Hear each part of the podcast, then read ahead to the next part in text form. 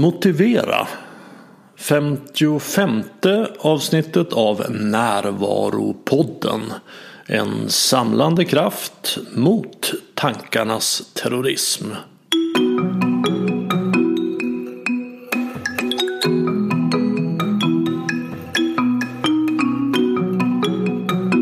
Det här är Bengt Renander. Den 12 mars håller jag en föreläsning om maskulint och feminint här i Stockholm. Du får en tydlig och mycket användbar bild av hur du kan förstå din maskulina och feminina sida. Du kan sen använda den insikten bland annat till att skapa balans mellan görande och varande i ditt liv och inte minst till att skapa mer attraktion och passion. Sen i april pratar jag om hur man stoppar tankarnas terrorism och i maj om tantra sex. Alla föreläsningar hittills har varit fullbokade så vill du ha en plats Anmäl dig tidigt på min hemsida renander.nu. Vi är många som har haft en närstående som betett sig på ett sätt som varit skadligt både för dem och andra. Och vi har upptäckt hur otroligt svårt det kan vara att få dem att ändra sig. Varken piskor eller morötter fungerar. Hur motiverar man en människa att ta en bättre väg? Så att hon gör det för att hon själv vill och inte för att hon måste. Det är vad dagens samtal handlar om. Jag pratar med Kajsa Bellman Blomberg som är auktoriserad samtalsterapeut och utbildare inom motiverande samtal. Vi pratar om hur man guidar en människa att komma fram till vad som är bäst för henne. Hur man talar med människor som behöver göra större livsstilsförändringar. Hur man hittar nyckeln till varje individs egen vilja och resurser. Om värdet av att jag tar ansvar för mina känslor och ger dig ansvar för dina om gränser och gränslöshet. Om att våga vara sig själv och att vara ärlig. Om konsten att lyssna och om att ge varandra de vackraste gåvor som finns. Här är Kajsa Bellman Blomberg.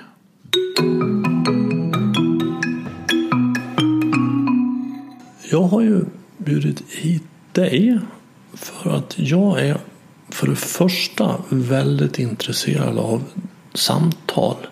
Det goda samtalet kallar jag det. Mm. Och jag menar det är så oerhört viktigt att vi kan samtala med varandra. För kan vi inte det så återstår ju egentligen bara ett annat alternativ och det är våld. Absolut. Det är de två sätt vi människor har att relatera till varandra. Våld eller samtal. Nu finns det många olika sätt att samtala på konstruktivt. Och jag vet att du har intresserat dig för någonting som man kanske skulle kunna kalla för det motiverande samtalet. Absolut, det, ja. det heter så. Mm. Motivation interviewing. Ja. Översatt motiverande samtal på svenska. Ja. Mm. Ska du bara berätta lite om det? Vad är, vad är det för någonting?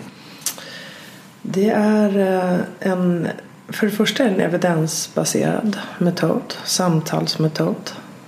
Och den kom till på 80-talet utav två psykologer, Ben Miller och Steven Rollnick. Mm.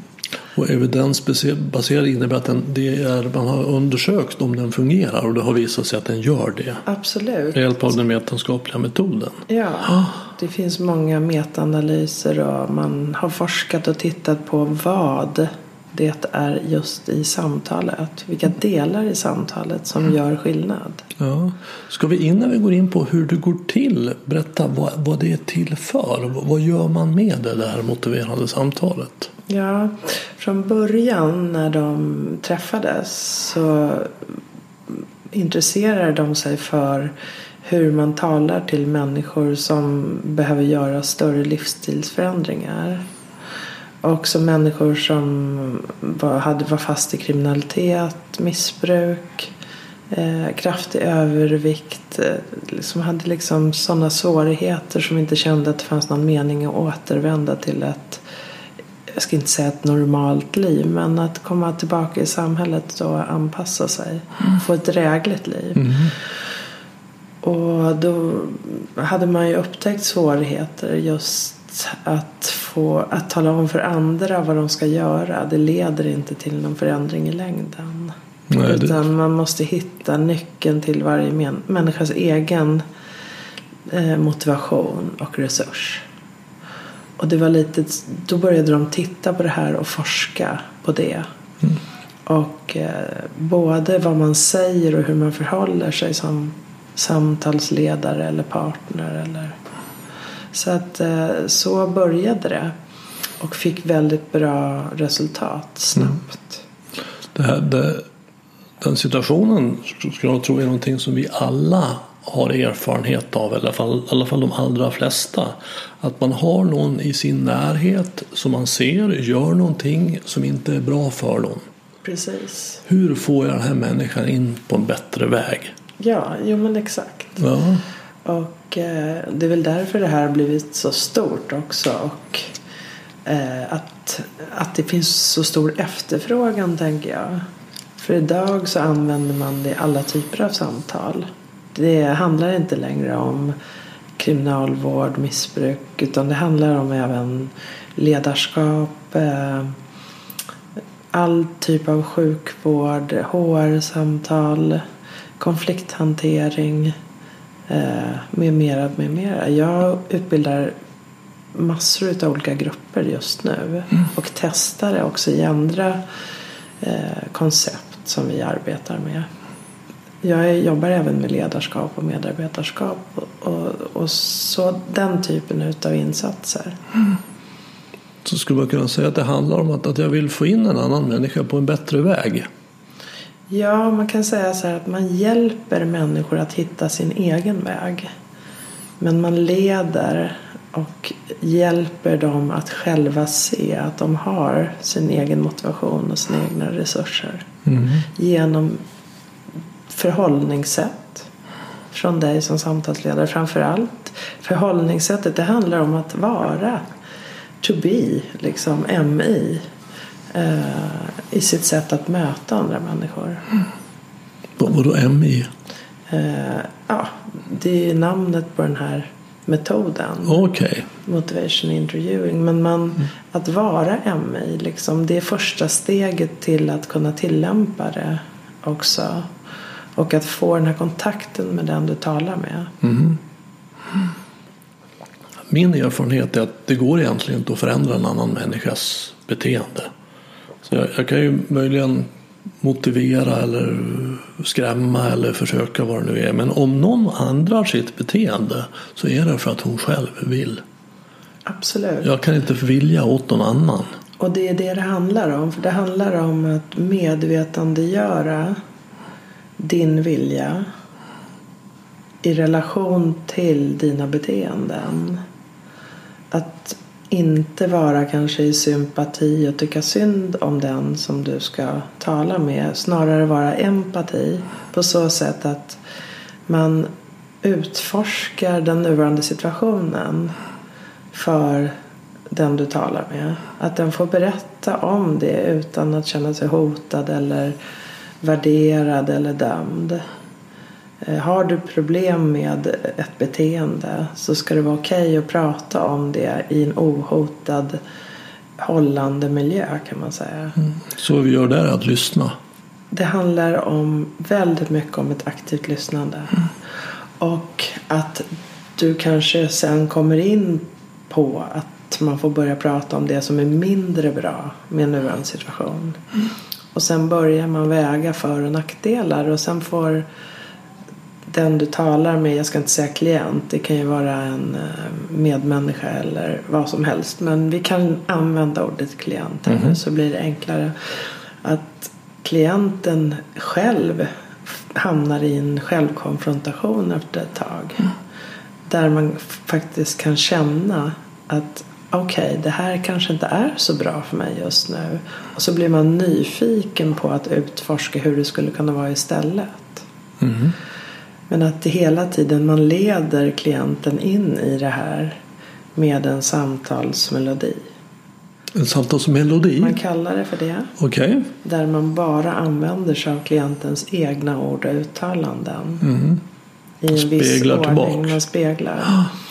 Och där man också får känna att ah, det här kanske inte låter så bra. För man, sätt, man lockar fram att sätta ord på både det som är positivt och negativt i nuvarande situation. Mhm. Och erbjuder information. Om du behöver berätta för någon att jag känner till en metod där man kan göra så här. Mhm. Då säger man inte bara det och nu ska jag tala om för dig. För då går människor in i försvar. Mhm. Precis som du sa nyss. Mhm. Utan att man istället ber om lov. Är det okej att jag berättar för dig om en metod som jag har hört fungerar väl eller bra? Mm. Eller jag har hört någon annan och så vidare. Så att man tar det den vägen. För då tilltalar man också motivationssystemet i, i mottagarens hjärna. Men så fort du börjar tala om för någon hur den ska göra eller hur det ska vara eller skambelägga då slår hotsystemet till. Mhm. Och då vill vi inte lyssna. Då, då omedvetet så behåller vi och stannar i det som är. Eller att det förstärks. Ja, då får vi en sorts egoreaktion. Precis. Jag brukar säga det när jag jobbar med par. Jag lär ju dem att ha det här goda samtalet. Det bygger också på att lyssna. Ja, Och att, att när du pratar så prata om dig. För, när jag pratar om mig så står ju jag på fast mark. För jag vet ju vad jag känner och vad jag upplever. precis. Eh, Och när jag pratar om dig då är jag ute på väldigt tunn is. Alltså vill man få provocera fram en reaktion hos någon då ska man börja prata om att ja, men du gör ju alltid så här. Du tycker ju så här och du känner så här och du gör, vill det här. Precis. Då åker vi igenom ganska fort. Och tyvärr är det så de flesta gör. Verkligen. Och det är därför, det, som du sa, liksom motsatsen till samtal är fight. Ja, våld. Ja. Absolut. Och fight tänker jag liksom. Att, och det är ju för att vi anklagar varandra. Mm. Och det, det fungerar inte. Och det här är så spännande också med den senaste hjärnforskningen. Där man också kan filma flödet i hjärnan och se hur, vi, hur reaktionerna ser ut beroende på hur vi blir tilltalade. Mm. Och det här går helt i linje med den forskning som finns i MI, motiverande samtal. Mm. 1980 kunde man inte, 90 när det här liksom växte sig så starkt i början, då kunde man ju inte göra den typen av forskning. Men idag kan man ju det och då ser man att så här är det.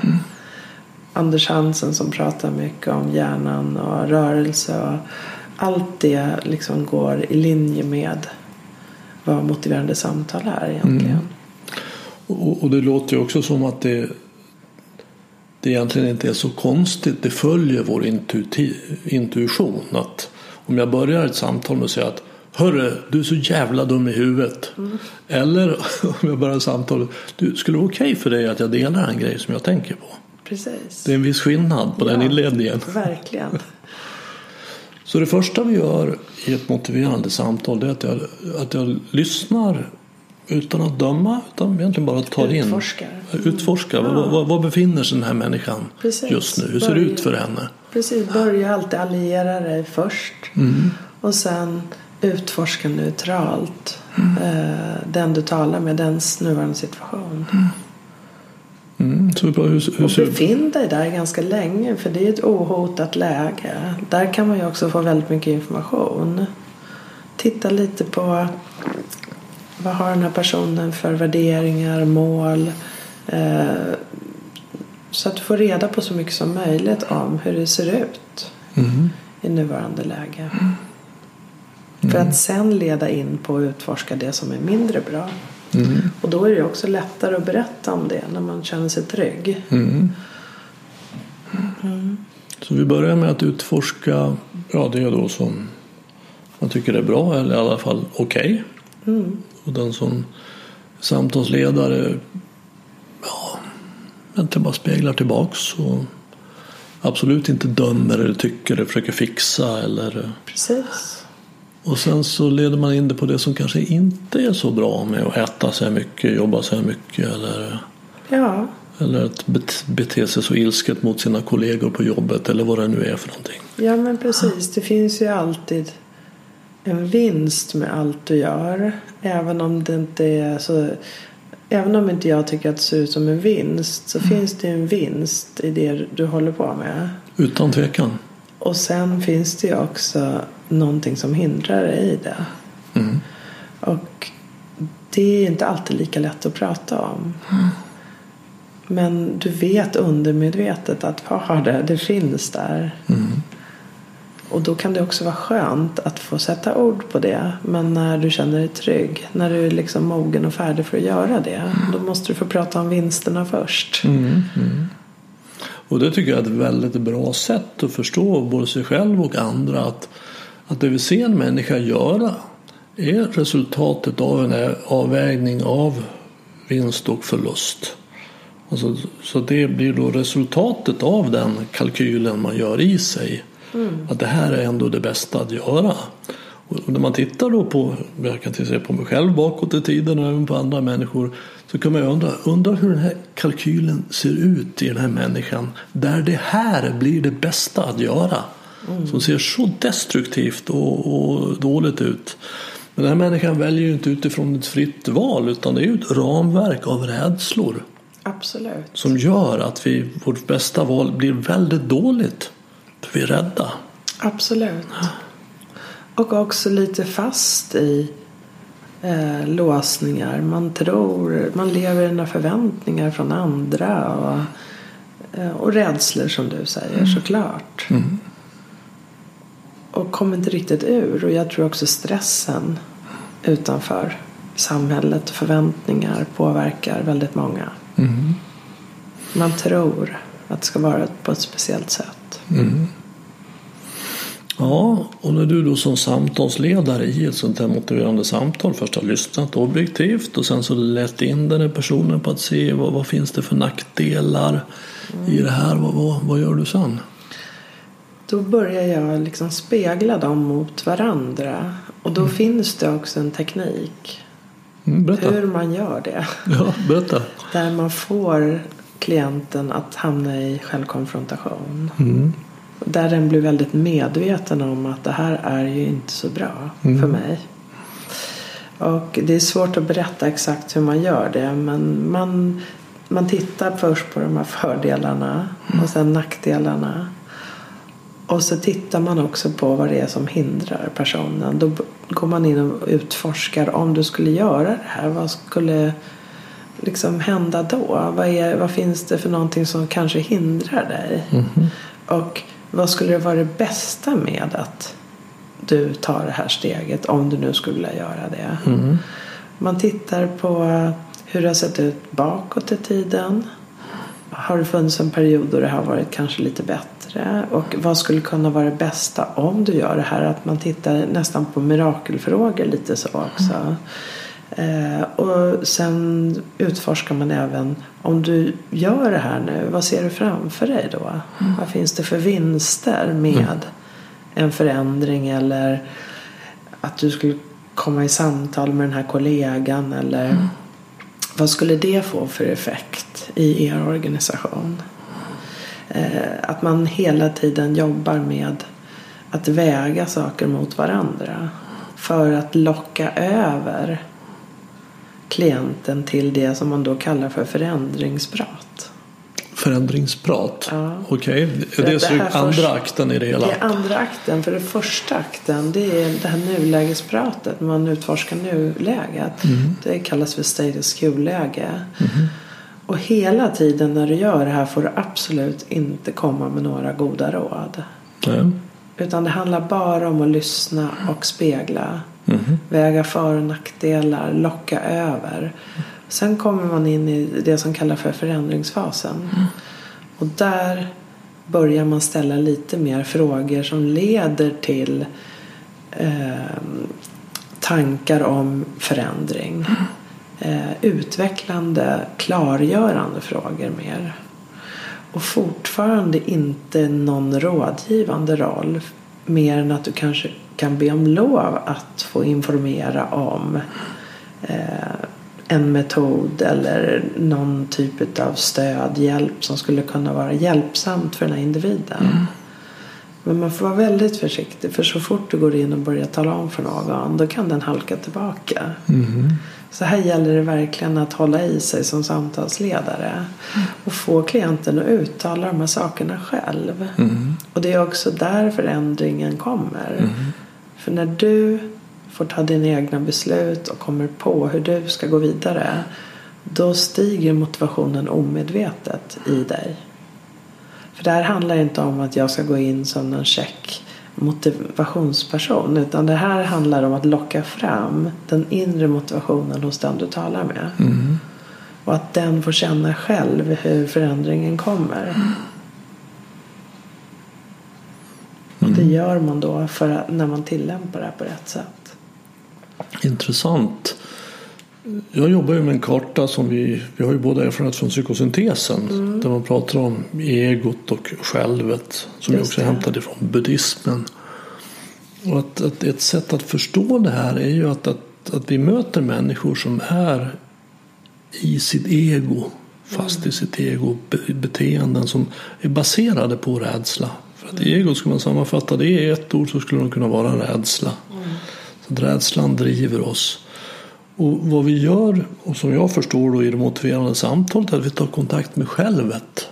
Ja, Den klokare, mer kärleksfulla delen av oss. absolut. Försöker leda över oss så att, så att, att jag gör som jag själv vill. Just det. Istället för att jag, egot, är fast i, i flyktbeteenden egentligen. Och det här är då ett sätt att kunna göra det på. Och det är därför tror jag som jag tycker så mycket om det här. Därför att det ligger också i linje med även psykosyntesen och det som jag jobbar med annars. Det finns väldigt många likheter. Mm. Och det är väldigt kärleksfullt. Mm. Mycket och respektfullt. Ja, Och kärlek och respekt hör ju intimt samman. Det är svårt att behandla någon kärleksfullt och respektlöst. mm, absolut.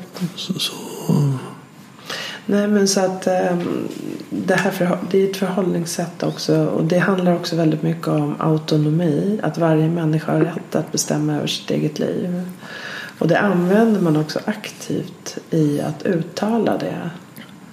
Så att man verkligen låter personen förstå att det är dina val. mm, Det här är, det är du som bestämmer. mm, det är ditt liv. Vi kan samtala om det här men det är du som, som beslutar hur du vill göra. Mm.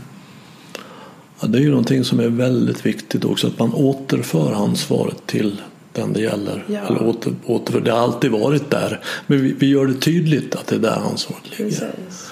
Och jag har ju träffat nu i, i jag var i Östersund förra veckan och utbildade eh, stadsbyggnadskontoret. Och det var jättespännande för att de råkar ut för väldigt mycket arga medborgare Okej. som tycker att det är deras fel när de inte har godkänt en avloppsanläggning till exempel.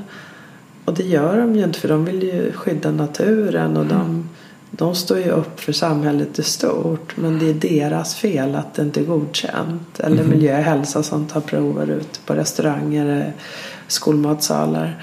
Det gör de ju för vårt bästa. Okej, det är som att det blir lärarens fel att jag får dåliga betyg. Exakt.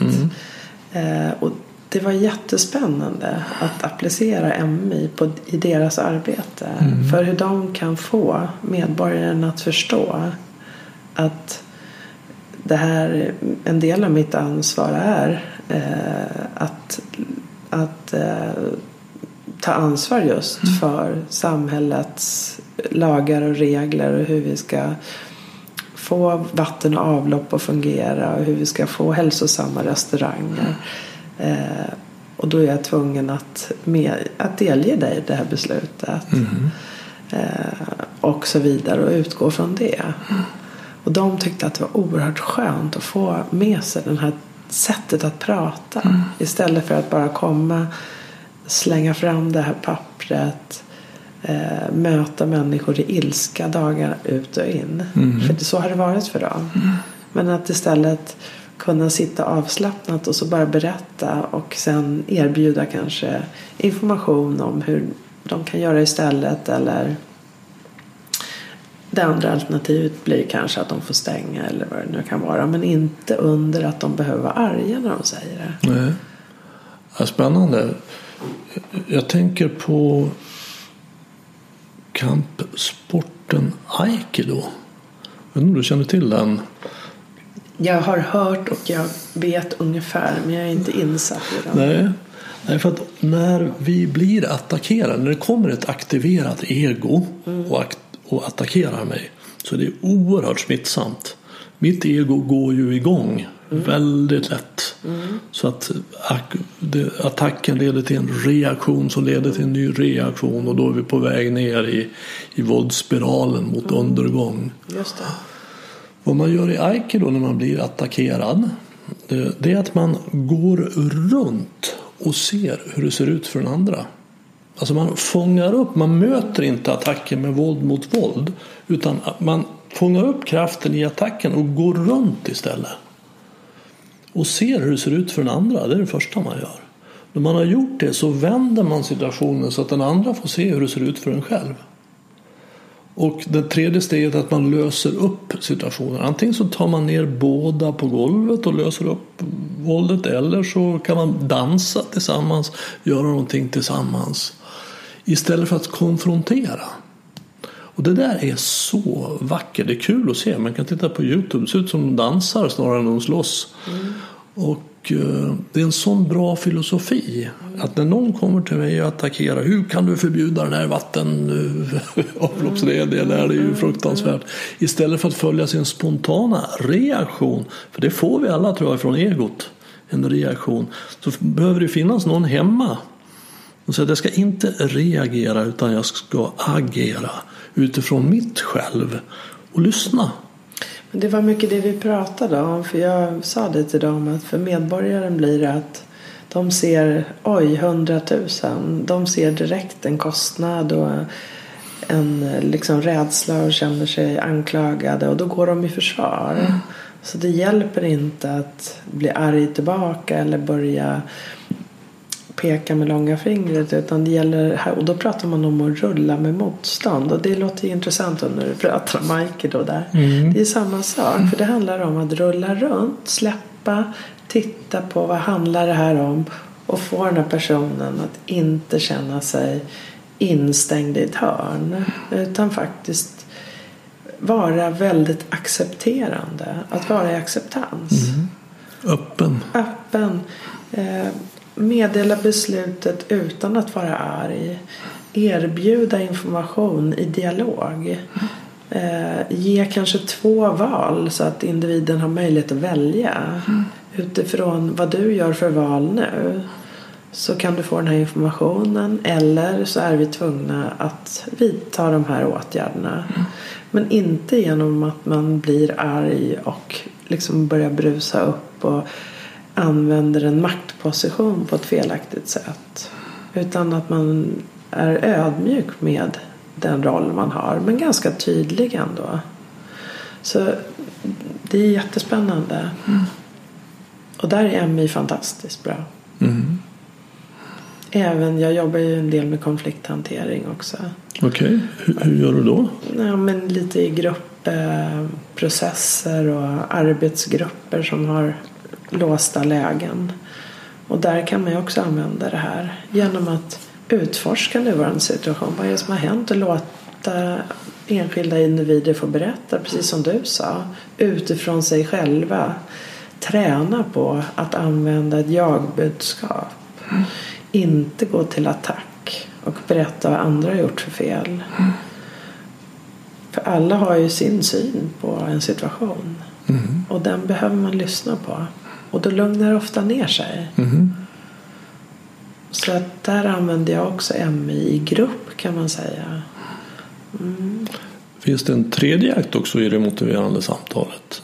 Alltså det första jag lyssnar, det andra att jag pratar om förändringar, eller vi pratar om förändringar. Och den sista är att eh, förändra och bibehålla. Okej. Och då jobbar man med uppföljningsstöd, kanske en handlingsplan. Eh, se till att man hjälper, för förändring är svårt. Mhm. Det tar ju väldigt, väldigt lång tid att förändra ett beteende. Vad är det som gör att det är så svårt? Jag håller helt med dig, men vad, vad, vad tänker du om det? Var det- Varför är det så svårt att förändra ett beteende? Därför att vi, vi eh, väldigt mycket styrs av den omedvetna delen av oss. Jag tänker att vi har två delar Mhm. I hjärnan. Den första går ju på en ganska låg energi. Där vi gör allting per automatik. Okej, som hjärtslag och Ja, stå upp och... så fort du ska göra någonting nytt så måste du gå ner på nästa nivå. Mhm. Och det kräver mer energi. Vi är lite lata av naturen. Mm. Och Det är ju evolutionärt gynnat att spara energi. Ja, och där tänker jag också att viljan är väldigt central. Att vara medveten om sin vilja. Att använda den när du behöver ändra ett beteende. Det jobbar vi ju också mycket med i psykosyntesen. Att medvetandegöra vilja och behov. Mm. Behovet till att göra den här förändringen och skäl till att göra förändringen kanske. Och att man verkligen tittar på det ordentligt för att arbeta över tid med en förändring. Mhm. Jag blev, det är jättespännande för det, de håller på att bygga om vår hiss i vårt hus där jag bor. Mhm. Jag bor på fyra trappor. Och eh, vi har hund. Och så går jag ut med den här hunden. Nu har jag i och för sig varit bortrest en del och arbetat på annan ort och så. Men det är tredje veckan nu som när hissen står. Och senast igår när jag kommer in genom porten så går jag fram och tar i hisshandtaget. Mhm. Fast jag har gått nu i tre veckor upp för den här trappen. Mm. Och så kommer jag på precis när jag ska ta i det. Ah, just det. Och det är ett väldigt bra exempel på hur mitt beteende är invant sedan flera år att gå fram och ta i hisshandtaget. Mm. Jag kommer ihåg, jag bodde i en, förra lägenheten jag bodde i så hade vi en spegel på ett speciellt ställe i hallen. Och eh, jag har utvecklat en spegelmin. Det är den min jag har när jag ser snygg ut tyckte jag själv. så, så den omedvetet så tar jag alltid på mig den när jag ser mig själv i spegeln. Och jag märker till att när jag kom, sen flyttade vi spegeln och satte dit en tavla istället. Men jag gick under, jag tror år fram efter det. Så gick jag fram till den tavlan. och sen hade, så kände jag att jag hade spegelminen på mig. Så det sitter väldigt, väldigt utrotat. Precis. Det är en sorts beteendeekonomi som hjärnan, kroppen gör. Exakt. Att lägga ner så lite kraft och tid på sådana saker som vi kan lära oss göra rutinartat. Så du har över till att överleva ifall det händer någonting oväntat. Precis. Och det är där den här uppföljningen och att man stöttar någon som verkligen vill göra en förändring behöver stöd över tid. Eh, Så det är tredje fasen kan man säga i MI som man jobbar aktivt med. Mm. Och då träffas man på uppföljande möten? Eller? Ja, precis. Det finns ju olika former att använda det här. Man kan ju använda det terapeutiskt eller som i samtal. För det, det här är ju ett tillägg. Eh, Det är ju många coacher som kommer och utbildar sig hos, mig. Och då använder de ju det i sitt arbete där eller om du jobbar med ledarskap eller om du är terapeut vill du kanske tillämpa det i ditt arbete så. Men att det finns en tanke ändå hur man ska bygga upp det här och varför man ska göra det. Och sen kan du applicera det på de samtal du har. Jag har jobbat nu också mycket med olika HR-personer i, och, och tittat hur de kan använda det i medarbetarsamtal. Eh, också för att följa upp efter ett år eh, det som också medarbetaren kanske har valt själv som sin utvecklingspotential. Så. Och hur man då försöker hjälpa till och hålla fast vid att ta de steg som önskas och så. Mm. Hur kom du in på att börja arbeta med det här?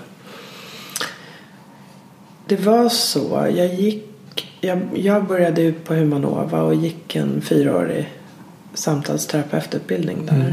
Det är en psykosyntesutbildning. Precis. Och sen gick jag direkt och läste organisation ett år. För jag är gammal entreprenör och tycker mm. att det är väldigt kul mm. att jobba och driva verksamhet och så. Mm. Och kände att jag brann för det så då gjorde jag det. Och eh, ju mer man jobbar med sig själv desto mer nyfiken blir man. tänker mm. jag. Eller så har det varit för mig. Mm.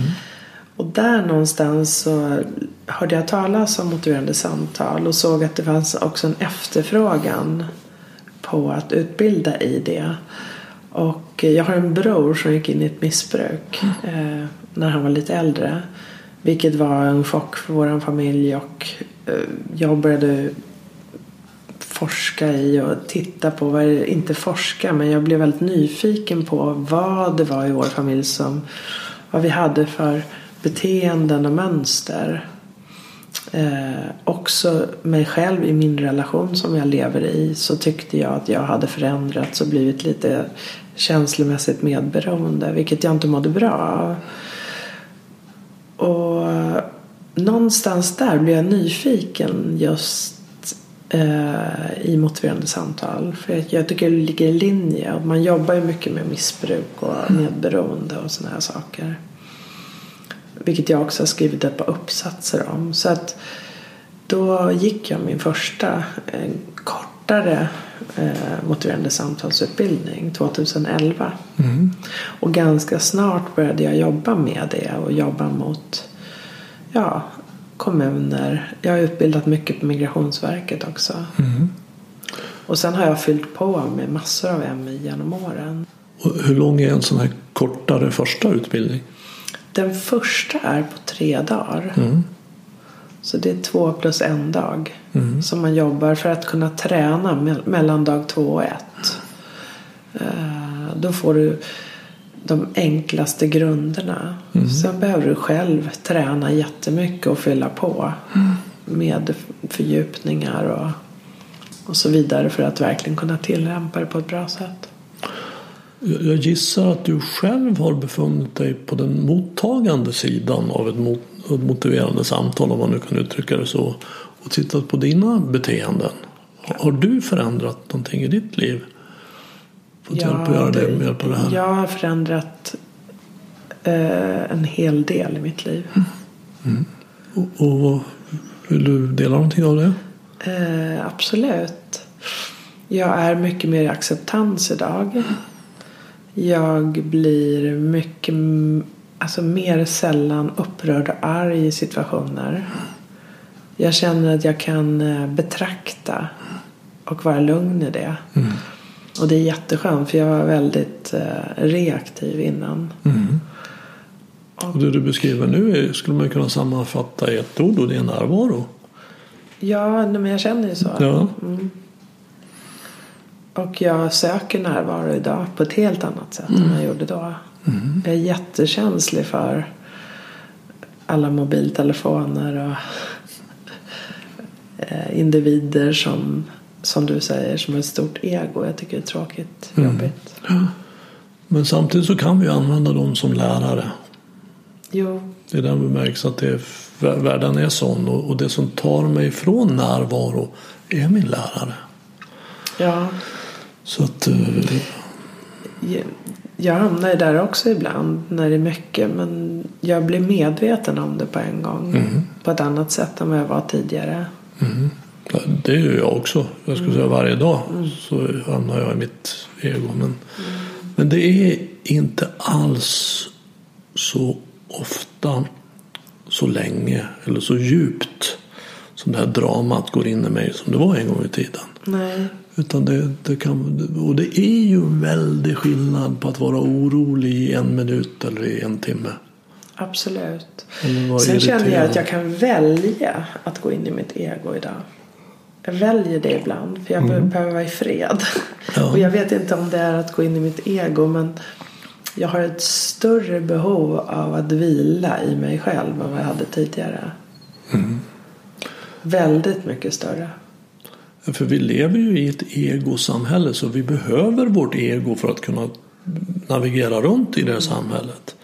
Men skillnaden blir ju att om det är egot som reagerar bara så då är jag ju en reaktiv automat. Mm. Säger du så, då blir det så här. Precis. Gör du så här, då blir det så här för mig. Precis. Det är ingen som är hemma där som rår över det. Men det du beskriver är att ibland så väljer jag att gå in i mitt, använda mitt ego till att sätta gränser till exempel. Mm. Då gör ju jag, alltså egot, som jag själv vill.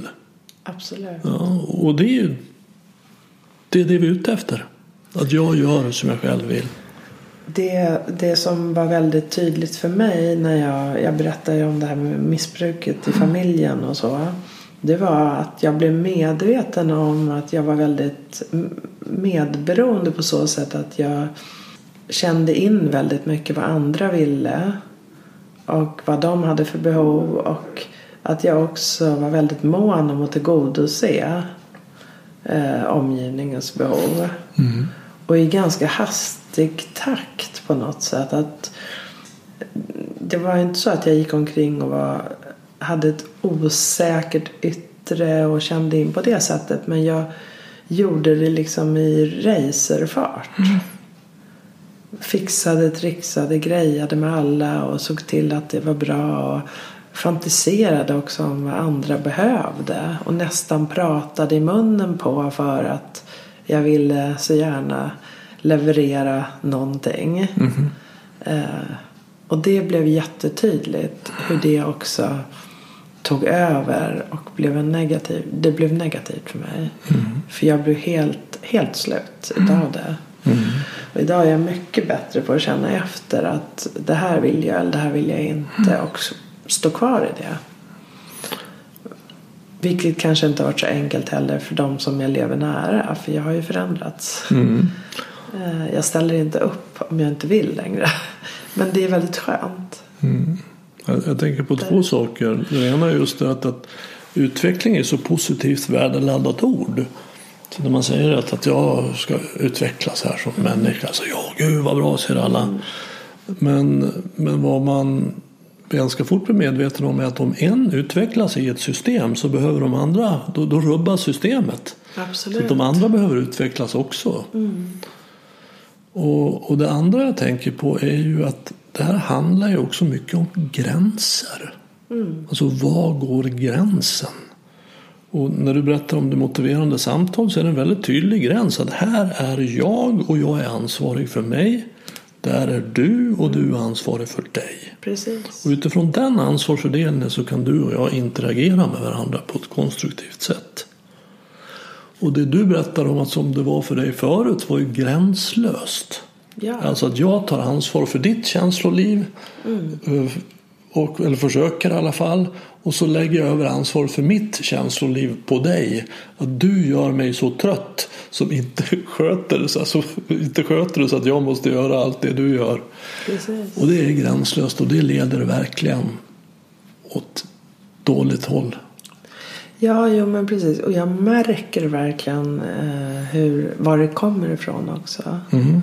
Vad ser du? Eh, jag ser, det handlar väldigt mycket om min mammas beteende. Mm. Och hon är ju omedveten såklart mm. om att hon gör så här. Men det har också blivit tydligt sista året när vi har haft vissa diskussioner. Eh, min bror har faktiskt tillfrisknat. Mm. Det är ju ett mirakel. Eh, även om han fortfarande han kommer aldrig vara helt frisk men han, är, han fungerar och har kommit tillbaka i arbete och eh, han har ett visst stöd fortfarande. Har du gjort något motiverande samtal med honom? Det kan man väl säga att jag indirekt har gjort för att jag har fått familjen att sätta gränser. Mm. Vilket inte fanns tidigare utan så länge han fick hjälp och vi tog hand om, eller mina föräldrar framför allt, så var det ju bekvämt att fortsätta mm. med sina negativa beteenden och sitt missbruk. Ja. Men jag fick dem att sätta gränser och kasta ut honom. Mm. Och det är inte först du blir känslomässigt drabbad och du får en gräns som du måste börja fundera på ditt utfall. Mm, absolut. Och det var mycket det som gjorde att han kom tillbaka också. Men det jag märker det är att jag eh, när jag sätter ner foten idag så har det blivit vissa konflikter med till exempel min mamma. Mm. Och eh, det är jättejobbigt samtidigt som jag måste ju vara ärlig mot mig själv. Mm. Och jag tror att hon, nu är vår relation mycket bättre. Så det är ju fantastiskt. Och det är ju inte så konstigt att det blir konflikter, om du ska kalla det det, i mellanmänskliga relationer. För att vi tycker olika, tänker olika, olika bakgrund, uppfostran, eh, kön, läggning, Ja. temperament. Så att, att, att om vi är ärliga och tydliga så kommer det visa sig att vi ser på saker och ting på olika sätt. Och det är inte konstigt. Utan, men för, det viktiga är ju, vad gör vi då? Precis. detta uppstått. Kan vi ha det goda samtalet eller tar vi till våld? Stänger ner, stänger ut, eh, ironisk, sarkastisk. Det är bara att titta hur samhället ser ut idag. Vad som driver. Jag menar våra stora ledare. Som är i fight hela tiden. Verkligen. Och, till och med då är väldigt upprörda över att man har ett samtal. Ja. Stått i tidningarna. Precis. Vad, tänker de? Ska vi stänga ute folk? Låsa in dem? Sätta munkavle? Ska vi inte lyssna? Alltså det är så otroligt viktigt att vi inser att vi är olika. Vi behöver lyssna på varandra, samtala och lösa saker tillsammans. Hur ska det kunna ske om vi, om vi använder våld? Och stänga ner och stänga ute är också våld. Absolut. Och våld leder till våld. Så det är en våldsspiral vi har globalt och på nationell och individuell nivå. Nej, men jag, tänker, jag tänker också det du sa lite tidigare här med att vi kan aldrig förändra någon annan individ. Vi kan bara förändra oss själva. Och det har ju med det att göra också. För att när inte andra ändras så använder man våld. Försöker tvinga fram. Men när man förändras själv så märker man ju att omgivningen också förändras. Och det kan ju först vara lite skrämmande kanske. Men det är då också man bekänner färg på något sätt. Eller omgivningen också. Vad är det värt att, vad ska jag behålla och vad ska jag släppa? Och det, när jag, ja, för mig har det varit så att det varit ganska skönt när jag kommer till den punkten. Att det är inte så viktigt längre om jag inte kan vara i en funktionell relation med min omgivning. Om jag måste vara någon annan för att ingå i någon krets eller eh, i olika relationer då blir det ju inte äkta. Nej. Så det har ju också varit liksom ett steg i det här. Och det är samma sak, där är också, det är MID också. Liksom att utforska dig själv och, och känna efter. Vem vill du vara? Och att som samtalsledare vara i acceptans med det. Inte bli besviken om inte din klient gör det som du sitter och tänker på. Det är jätteviktigt. Mm. Och, och det finns ju ett väldigt positivt budskap i, i botten av, av det här och det är att vi genom ett bra samtal kan förändras. Så vi kan förändra varandra, påverka varandra till att utgå mer ifrån oss själva eller ha ett mer konstruktivt sätt att leva på genom att möta en annan människa och ha ett samtal. Även den mest destruktiva rasisten eller missbrukaren eller Absolut. eh, kan förändras genom ett, ett bra samtal. Men genom att använda våld mot den här personen så kommer vi att öka den människans våldsbenägenhet. Precis. Och det är ju verkligen de som behöver det här goda samtalet. Behöver lära sig det. Ja, och få möjlighet till det, tänker jag. Ja, och få, precis, och få förändras i det. för där, det är ju väldigt dammande ute i samhället. Mycket. Och de känner sig dömda från början. Och då att, att möta dem i det här förhållningssättet ger ändå en chans till ett möte. Att de kan få uttrycka sig. Absolut. Därför att vi kan inte minska våldet genom att använda våld mot de som är våldsamma. Den som hatar de som hatar blir ju en utav dem mm. direkt. Mm. Alltså hat och våld, det, det, alla tycker att de har en god anledning till det. Alla tycker att det är väldigt få som säger jag är, jag är en ond människa, jag vill illa så nu ska jag använda våld för att ställa till det. Det finns sådana människor, det gör det med all säkerhet. Men de allra flesta tycker att det här är en god sak. De är så fast också i, i eh, de är så låsta i sin egen sanning. Mm.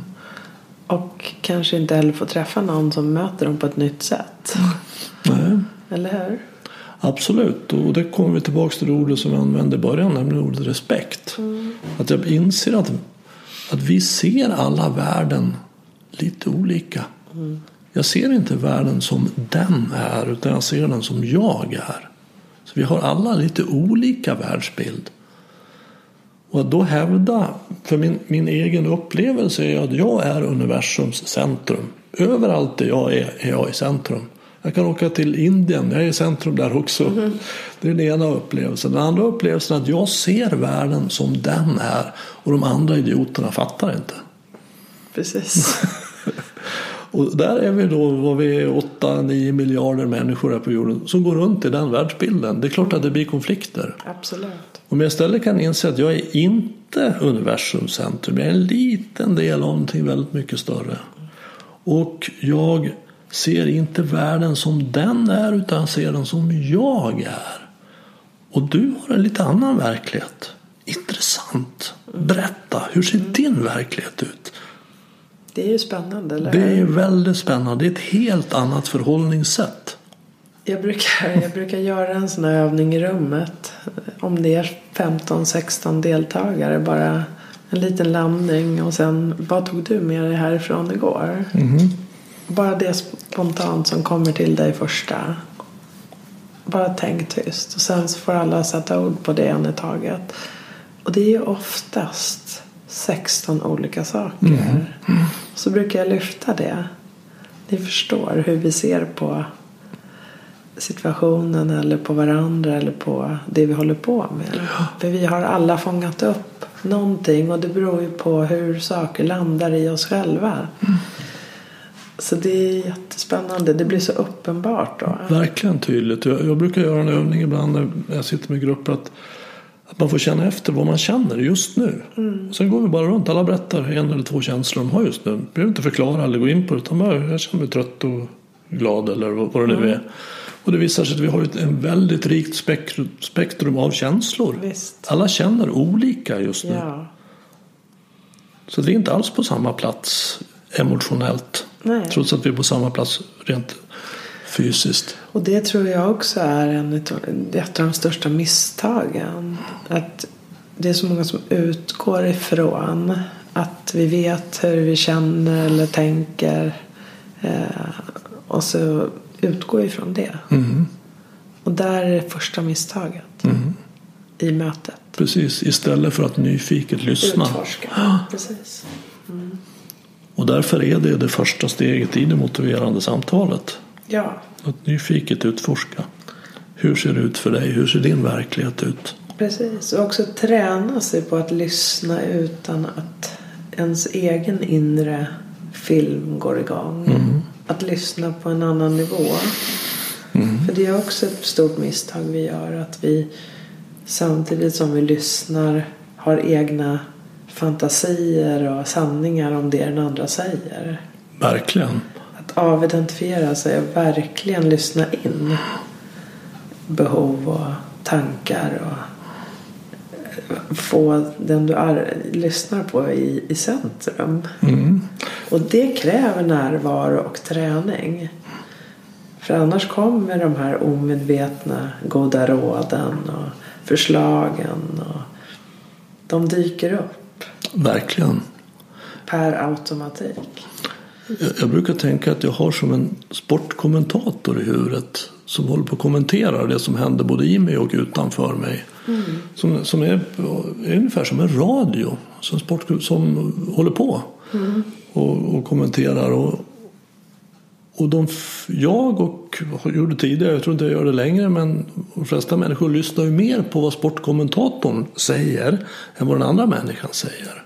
Mm. Jag vet inte om du har varit med om något gräl någon gång. Jag har definitivt varit det och många känner ju igen sig att man säger att men, du sa ju att du var det sa jag inte alls det. Det gjorde du visst det. Nej, det gjorde jag inte. Mm. Då har vi hört vår egen röst. Ja. Och, och, min erfarenhet är, jag har försökt få tyst på den där radion. Det har jag inte lyckats med. Den håller på. Men jag kan vrida ner volymen och numera står den liksom som en transistorradio borta på landet någonstans. Man hör att den låter men jag sitter inte med örat intill och tror att det är verklighet. Nej. Och det skapar ju ett utrymme för mig att lyssna på vad faktiskt du säger. Och det är ju väldigt mycket MI. Mm, det förstår jag. För du, om du inte kan lyssna så är det väldigt svårt att spegla. Det går inte. Nej. Omöjligt. Och det är klart att det är en utmaning och det behöver man ju träna på jättemycket. Jag har skrivit en bok om konsten att lyssna. Mm. Och det vackraste citatet i den boken tycker jag är att när jag lyssnar på dig så skapar jag en plats i mig som bara är din. Vad fint. Ja, det är så fint. Ja. Men det innebär ju då att jag behöver kunna skapa en plats i mig. För somliga människor är det så att varenda kubikcentimeter av dem är uppfyllda av dem själva. Mm. De har inget utrymme. Så när man säger att, att, att ja, jag ska gå på och äta så fint julbord här på, på, på Grand på lördag. Ja, så på Grand, ja men där var ju jag för två år sedan och vi var unga. Det, och, och, det blir som att trycka på knappen och ska berätta om sig själva. Ja. Istället för att säga wow, på Grand, spännande, berätta. Det är som att trycka på en knapp. Jag ska bara prata om mig själv. Jag har inget utrymme i mig. Nej, men det är så vanligt. Och jag vet att jag har varit så jättemycket också. Jag mm. vet var det kommer ifrån också. Mm. Ehm, och där det kommer ifrån har ju fått i sin tur av mm. några äldre människor. Så det är liksom ett nedärvt beteende ofta som man inte är medveten om. Men det är ju väldigt det är extremt ointressant mm. i längden. Mm. Och det leder verkligen inte till, som du säger, att skapa utrymme för någon annan eller ge plats för någon annan. Eh, jag kan, jag kan höra mig själv ibland också, att jag hamnar där, att jag liksom kidnappar lite historien. Men idag är jag mer medveten om det. Men det är lite så som ja, min pappa gjorde så väldigt mycket. Och det får, du ärver ju ner beteenden också. Så det, handl, du, det gäller ju verkligen att jobba med dem. Jag brukar säga så här till mina deltagare att när du hör att du kanske inte gör som du borde då är du medveten och då kan Exakt. det förändras. Absolut. Så där behöver man ju också vara lite snäll mot sig själv. Absolut. När, när jag vet att jag är fångad i ett tankedrama så är jag det inte. Mm, yeah. För när jag är fångad i ett tankedrama då, då, vet då jag det inte. inte. Då tror jag det är verklighet. Precis. Mm. Så det mesta går att förändra om du vill. Men det kräver lite arbete. Ja. För ungefär 15 år sedan så var jag på ett retreat. Jag hade påbörjat en personlig utveckling så att jag var på ett personlig utvecklingsretreat. Och där var det så att man blev hopparad med en buddy, kallar de det, alltså en kompis. Mm. Så skulle man varje morgon träffas och så skulle vi dela tio minuter var, var vi befann oss. I, i vår utveckling. Eller vi fick egentligen prata om precis vad vi ville i tio minuter var. Men det var inte som ett samtal eller vi skulle stödja varandra utan vi bara lyssna tio minuter. Skulle vi göra, ja okej, okay, tänkte jag. Och så gick jag första morgonen då iväg till vårt möte och bestämt träff på ställe och så bestämde att jag skulle börja prata och hon skulle lyssna. Då. så satte vi en timer på tio minuter. Så började jag prata. Och efter någonstans 45 sekunder, en minut, så förstod jag att hon kommer inte att avbryta. Hon kommer inte att ha synpunkter eller säga eller fråga någonting. Utan hon sitter bara här och lyssnar. Då började tårarna rilla, trilla ner för mina kinder. För jag insåg att det här har jag aldrig varit med om i hela mitt liv. Jag blir berörd nu när jag pratar om det. Jag har aldrig i mitt liv varit med om det. Att någon sitter i tio minuter och bara lyssnar på mig. Mm. Det var en sån fantastisk gåva. Alltså, vi har inget vackrare att ge än vår närvaro. Och samtidigt så har den andra utrymme då att öppna sig mm. och blotta sitt inre och sin sårbarhet. Vilket är det möjligen alternativet till det vackraste vi har att ge. Mm. är ju det. Att ge min sanning och att ge mitt utrymme. Så det är en sån fantastiskt möte i det. Av kärlek och respekt. Nej men verkligen att få möjlighet att reflektera i lugn och ro samtidigt som du får sätta ord på dina tankar och känslor. Och det är också det MI handlar om. För det är när du sätter ord på det och blir speglad i det så småningom som du förstår dig själv. Du har möjlighet faktiskt att förstå vad det är som pågår.